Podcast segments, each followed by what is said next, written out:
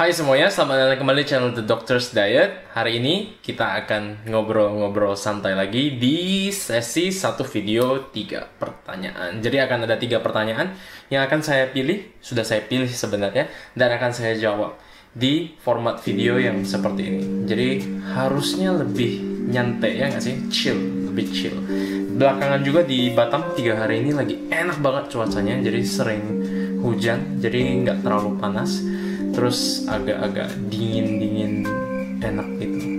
Seneng deh pokoknya enak Oke, jadi selain menjawab pertanyaan-pertanyaan dari teman-teman semua yang saya anggap cukup menarik untuk dibahas dalam format seperti ini, saya juga akan memberikan channel update di satu video tiga pertanyaan. Kalau bisa saya bikin seri baru lagi, kayaknya bakal banyak banget serinya. Jadi akhirnya saya bikin di satu video tiga pertanyaan aja.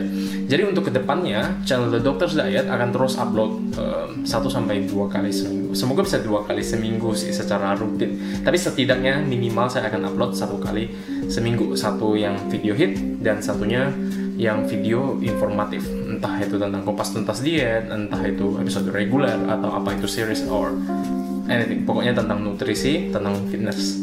Nah selain itu saya juga akan membuat sebuah um, podcast. Tapi yang masih akan saya masukkan juga di Doctor's Diet tapi bukan tentang nutrisi. Uh, judulnya adalah The Doctor's Life. Jadi saya akan mewawancarai, mencoba mewawancarai dokter-dokter atau tenaga medis lainnya mengulik uh, pekerjaan mereka, mengulik kehidupan pribadi mereka juga sebagai tenaga medis. Ada yang berbeda nggak sih? Ada yang menarik nggak sih? Seperti itu. Tapi untuk awalnya mungkin cuma akan ada saya aja. Jadi bercerita tentang sisi uh, dokternya, sisi tenaga medisnya. Jadi nggak berhubungan dengan nutrisi dan tentang diet sama sekali. Jadi kalau misalnya nanti ada videonya muncul tiba-tiba The Doctor's Life, terus nggak ada hubungan sama nutrisi dan fitness, jangan kaget, jangan marah karena itu memang sudah sesuai dengan rencana. So, without further ado, let's get to question number one. Ini kayaknya nggak pertanyaan ya, ini lebih ke arah uh, pernyataan sebenarnya. Dari kegoblokan hari ini mirip Jang Han Sol, smiley face. Is it smiley? No, crying, crying face. Jang Han Sol. Terus komen bawahnya benar. Hmm. Terima kasih karena komen anda saya akhirnya kepo. Jadi saya akhirnya nge-search Jang Hansol ternyata di Korea Romit itu ya ternyata. Dan akhirnya saya subscribe dan beberapa hari ini jadi nonton video ini terus. Terima kasih. Videonya sangat menarik kontennya juga sangat bagus. Jadi terima kasih. Lagi sekali lagi. Oke. Okay. ini benar-benar pertanyaan pertama. Let's get to it. Pertanyaan pertama dari Minah Bawazir, kalau minuman dingin gimana dok? Itu bikin gendut atau tidak? Oke, okay. simpelnya gini, kalau minuman dinginnya itu cuma air putih dingin dan dibandingkan dengan air putih hangat, maka tidak ada perbedaan kalori di sana. Keduanya memiliki kalori sejumlah nol. Jadi tidak membuat gendut. Jadi air putih dingin itu tidak lebih membuat gendut daripada air putih hangat. Karena nantinya setelah masuk ke dalam mulut, setelah itu masuk ke rongkongan, habis itu ke lambung, suhunya akan sama saja um, banyak nanti teori, banyak video, banyak artikel yang menyatakan bahwa air dingin itu bisa me, um, membuat lemak lebih apa kental dan lain sebagainya. Itu nggak ada scientific base-nya sama sekali. Jadi tidak ada argumen yang mendukung bahwa minum air dingin itu dapat membuat kita lebih gendut. Tapi kalau misalnya minuman dinginnya itu bukan air putih es atau bukan air putih dingin, jadi ada kalori di sana. Misalnya es teh manis atau misalnya jus buah atau misalnya soft drink yang dingin. Kalau misalnya ada kebiasaan kalian untuk sering minuman-minuman dingin seperti ini yang berkalori, maka ada kemungkinan kalian bisa menjadi lebih gendut. Tapi kembali lagi ke berapa banyak sih minuman dingin manis, minuman dingin berkalori yang kalian minum setiap harinya.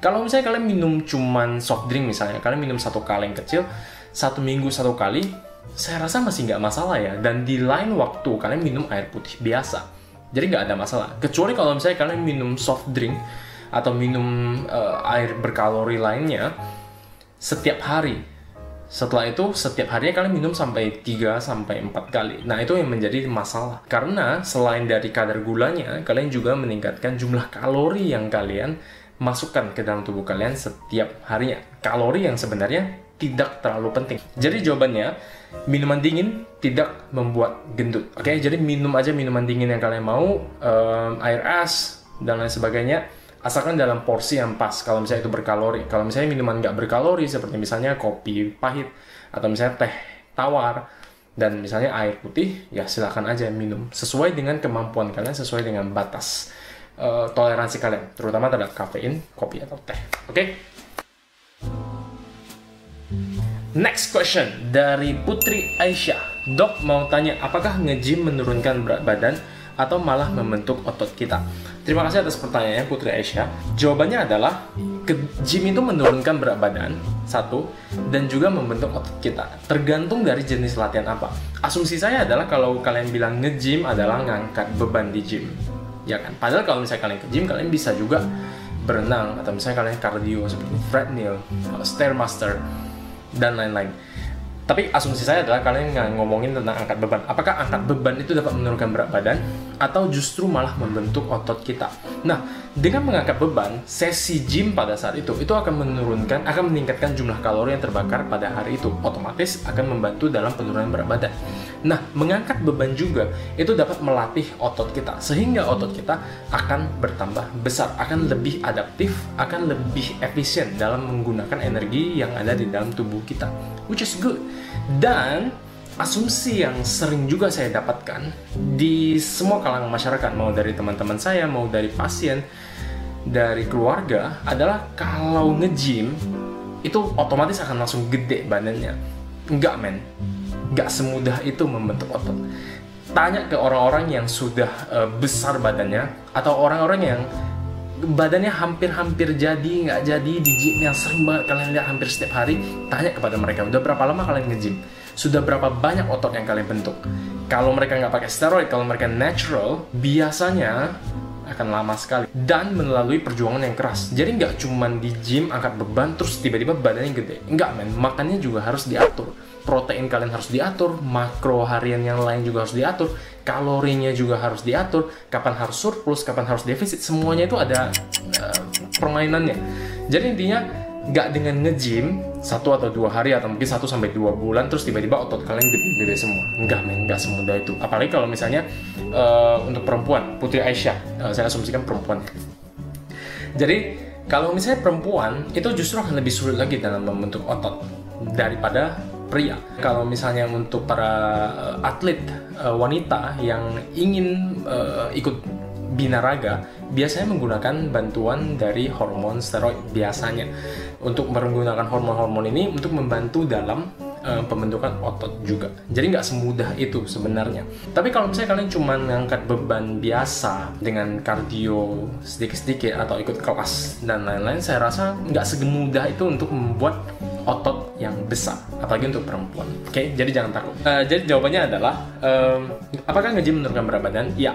Dan apakah um, nge-gym itu membentuk otot kita, iya juga. Dan keduanya menurut saya sangat bagus dan saling membantu. Jadi lemak turun, otot naik, semakin banyak kalori yang dibakar juga. Which is good. Pertanyaan ketiga dari Ibu Endah Suryaning. Kalau harus minum obat gimana caranya ngaturnya tuh? Karena saya harus minum obat tensi dan DM. Oke, terima kasih atas pertanyaannya Ibu Endah. Jadi begini, Um, pertanyaannya ini diberikan kepada saya di video tentang tips puasa. Jadi sebenarnya pertanyaannya lebih ke arah bagaimana cara mengatur minum obat selama bulan puasa. Sebenarnya jawaban saya tidak akan menjawab pertanyaan ibu secara uh, lengkap.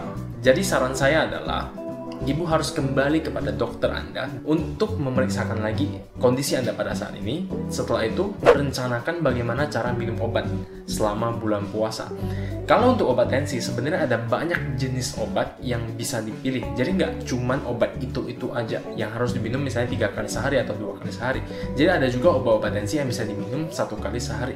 Cuman untuk merubah jenis obat atau untuk merubah dosis atau frekuensi obat itu diperlukan konsultasi dulu ke dokter. Jadi setelah dokter menilai resikonya, manfaatnya dan lain sebagainya, barulah ibu bisa mengubah dosis obat tersebut. Yang agak lebih sulit adalah manajemen kencing manis, manajemen diabetes mellitus selama bulan puasa. Kencing manis sendiri itu permasalahannya ada di insulin. Jadi insulin adalah hormon yang meregulasi gula darah tubuh kita. Nah, insulin ini sendiri itu dikeluarkan biasanya pada saat kita makan dan insulin akan bekerja setelah itu meregulasi gula darah. Nah, yang ditakutkan dengan terapi DM di mana intinya adalah kita akan meningkatkan jumlah atau meningkatkan sensitivitas dari insulin yang membuat gula darahnya lebih turun lagi. Sudah nggak ada asupan gula darah, obat-obatannya membuat gula darah semakin rendah lagi sehingga resiko untuk terjadi hipoglikemi akan meningkat. Itu yang ditakutkan. Tapi resiko ini bisa dikurangi atau dicegah dengan berkonsultasi dengan dokter yang menangani permasalahan Anda. Jadi dengan berkonsultasi Anda bisa merencanakan um, rencana makan Anda untuk bulan puasa. Jadi saat sahur harus makannya apa, saat berbuka makannya apa, apa saja makanan yang harus dimakan. Setelah itu obat-obatannya diminum pada saat kapan saja, dosisnya berapa dan lain sebagainya. Selain itu, dokter Anda juga akan mengerti status risiko Anda sekarang. Jadi apakah Anda boleh melakukan puasa atau malah tidak boleh melakukan puasa sama sekali pada saat bulan puasa ini karena status risiko Anda mungkin lebih tinggi. Jadi jawabannya Ibu Enda dan juga kepada semua teman-teman yang akan melakukan ibadah puasa tapi sedang berada dalam pengobatan tertentu, konsultasikan kepada dokter Anda karena dokter Anda yang lebih mengerti tentang persoalan medis, tentang dosis obat, tentang resiko dan lain sebagainya. Setelah mendapatkan konsultasi tersebut, barulah Anda menilai lagi, mempertimbangkan lagi apakah Anda harus ikut puasa atau tidak ikut puasa. And that's it for my videos today. Sudah ada tiga pertanyaan yang saya jawab. Um, kalau kalian suka tipe video seperti ini, give it a like, comment down below, beritahu saya kalau kalian suka video-video seperti ini dan akan lebih sering saya buat saya rasa. Oke, okay? that's it. Bye.